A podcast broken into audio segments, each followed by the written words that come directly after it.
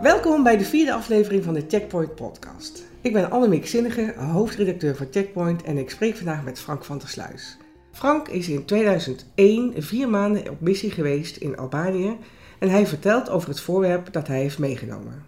Het voorwerp is belangrijk voor hem en het heeft een ereplek in zijn huis en in zijn hart. Frank, welkom. Dankjewel.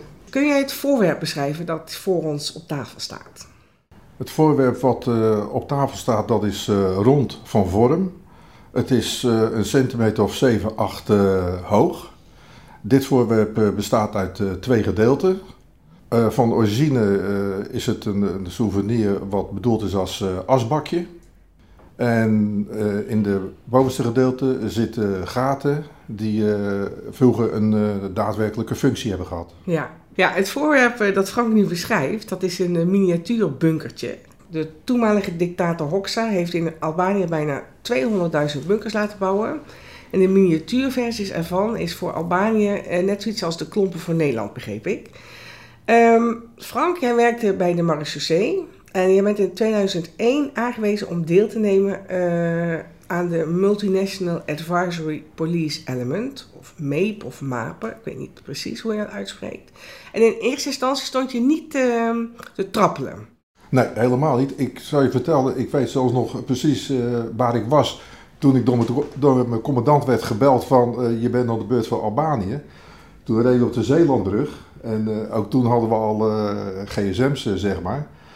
Nou, ja, dat, dat is een moment dat je niet meer vergeet dat je op dat moment werd aangewezen ja. voor Albanië. Ja, ja. En, waarom wilde je niet? In eerste instantie. Nou, ik, ik had helemaal geen idee van. Kijk, uh, geen idee in ook. Uh, ik, had een, uh, ik had een hele interessante functie op de brigade Marechaussee waar ik toen werkte. En, Wat deed je? Wat deed je dan toen? Ik was op dat moment beveiligingscoördinator op brigade Den Haag Beveiliging. En dat betekent dat je veel contacten had. dat was voor mij toegewezen op Huis de Bos en Paleis Noordeinde. Oh. Nou, daar heb je heel veel interessante contacten. Ik kan een hele levendige werkomgeving denken. Dus ik zat helemaal niet te springen om, nee. om er drie, vier, vijf, zes maanden uit te gaan. Nee, nee. nee ik, ik, voelde er niks voor. Ook toen ik in dienst ging in 69, toen speelde het hele uitzendingsgebeuren nog niet. Toen was het nog geen verplichting, toen was het er gewoon nog niet. En in de loop van de jaren is dat natuurlijk, uh, gezien de internationale verplichtingen van de NAVO en dergelijke, is dat erin uh, ingekomen ja. in, de, in de krijgsmacht. Ja, ja je moest dus gaan. Ja. En uh, wat trof je daar aan toen je aankwam in mei uh, 2001? In januari. Jan, januari ja, 2001. Begin januari. Nou, wat, wat tref je er aan? je landt met het vliegtuig op, op Tirana, daar is het vliegveld. En dan is het grappige, dan word je opgehaald door collega's die daar al gestationeerd zijn.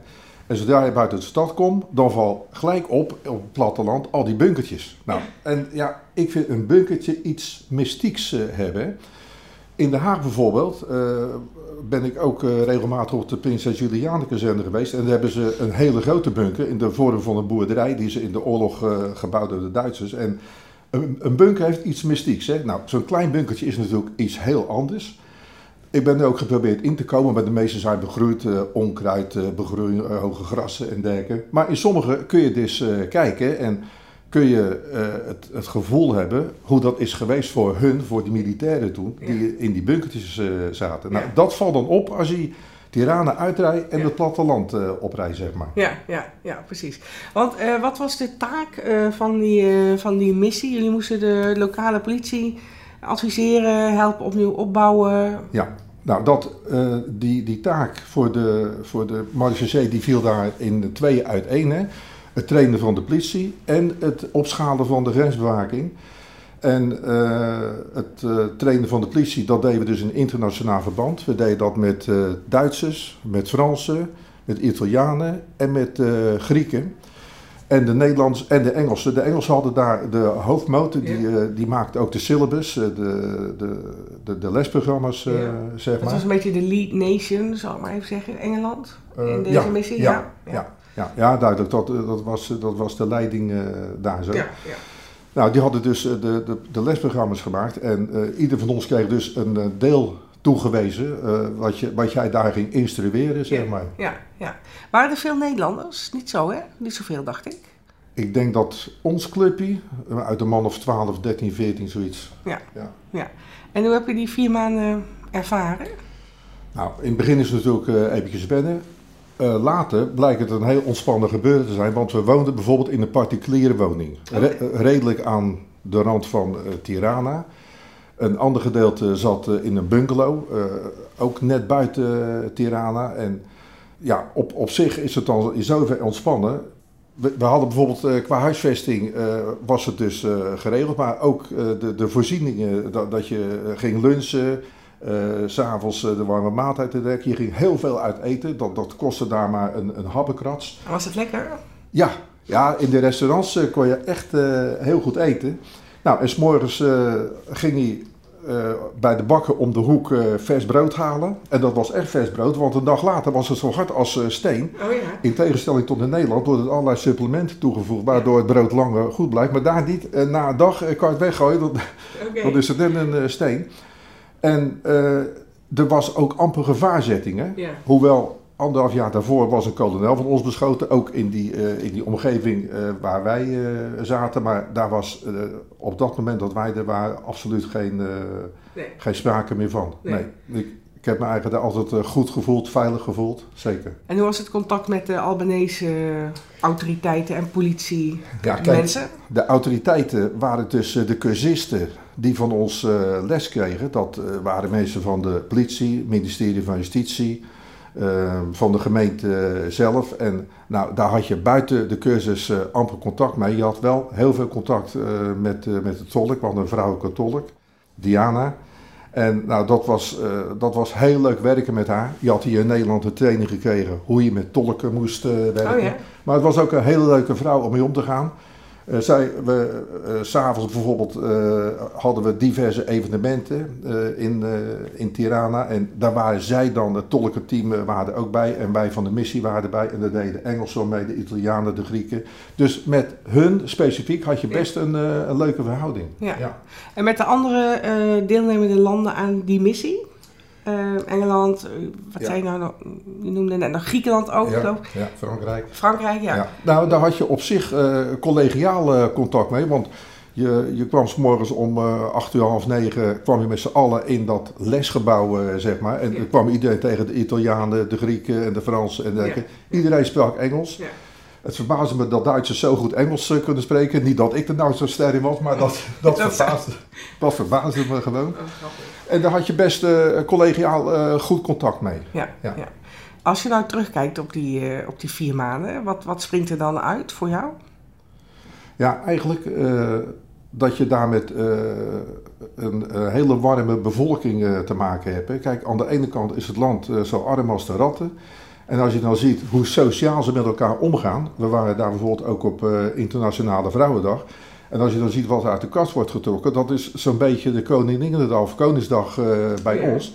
In parken, het was toevallig mooi weer. In parken nou, worden hele parties gehouden, barbecues uh, en dergelijke, hartstikke gezellig.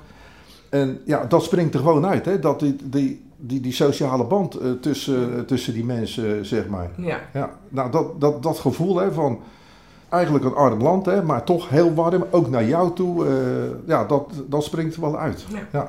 Ben je nog ooit terug geweest? Nee, ik ben nooit meer terug geweest. Dat idee heeft er wel eens gespeeld, maar het, het is er eigenlijk nooit van gekomen. Nee. En waarom niet? Ja, ik weet het niet. Kijk, ten eerste is uh, Albanië niet uh, toeristisch aangelegd. Hè. Uh, het begint heel langzaam te komen in het zuiden van Albanië.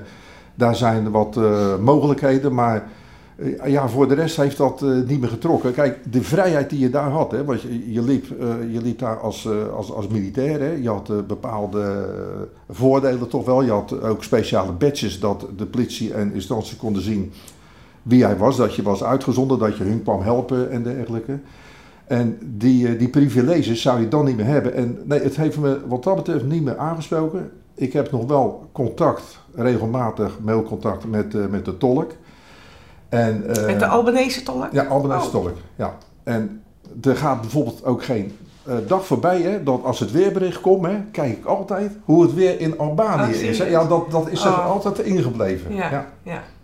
Zie je je oude uh, kameraden, de mensen met wie je op missie was daar, zie je die nog wel eens? Nee, nee, die zie ik niet meer. We hebben één keer een reunie gehad. Dat was al heel kort nadat we uit Albanië terugkwamen. Ik geloof een maand of vier, vijf daarna.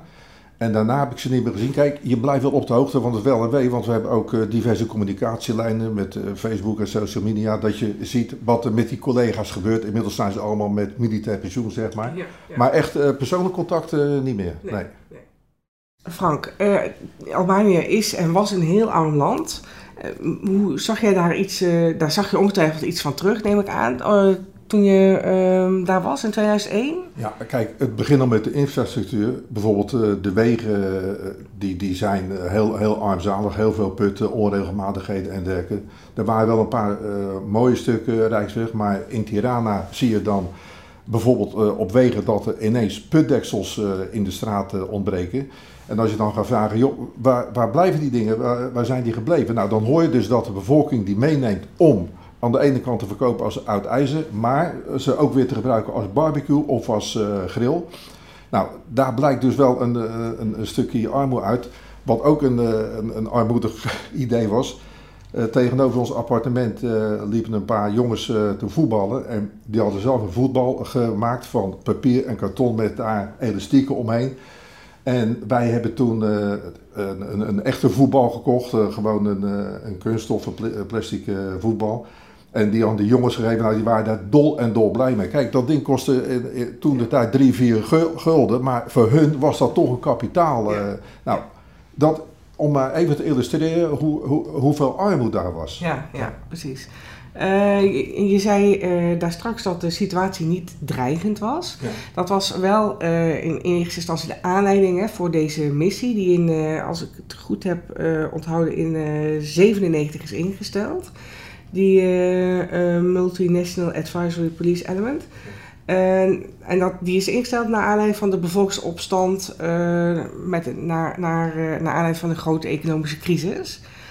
Maar jij, toen jij er was, was de situatie alweer een beetje rustig. Ja, het was zeker rustig. Kijk, in Tirana, de hoofdstad, waren wel regelmatig demonstraties. Maar die verliep best vreedzaam. Er werd geen, geen ellende erbij en dergelijke. Nee, dat, wat dat betreft was de rust wel weer redelijk uh, weergekeerd. Zeker in de hoofdstad. Ja, ja precies. Uh, de miniatuurbunker, waar staat die in jouw huis nu? Op een uh, tafeltje links in de hoek bij een schemerlamp. En daar staat hij te pronken, zeg maar. Ja, ja. Ah, leuk. Ja. Dankjewel voor dit gesprek. Oké, graag gedaan. Je luisterde naar het verhaal van marechaussee Frank van der Sluis over zijn missie in Albanië in 2001.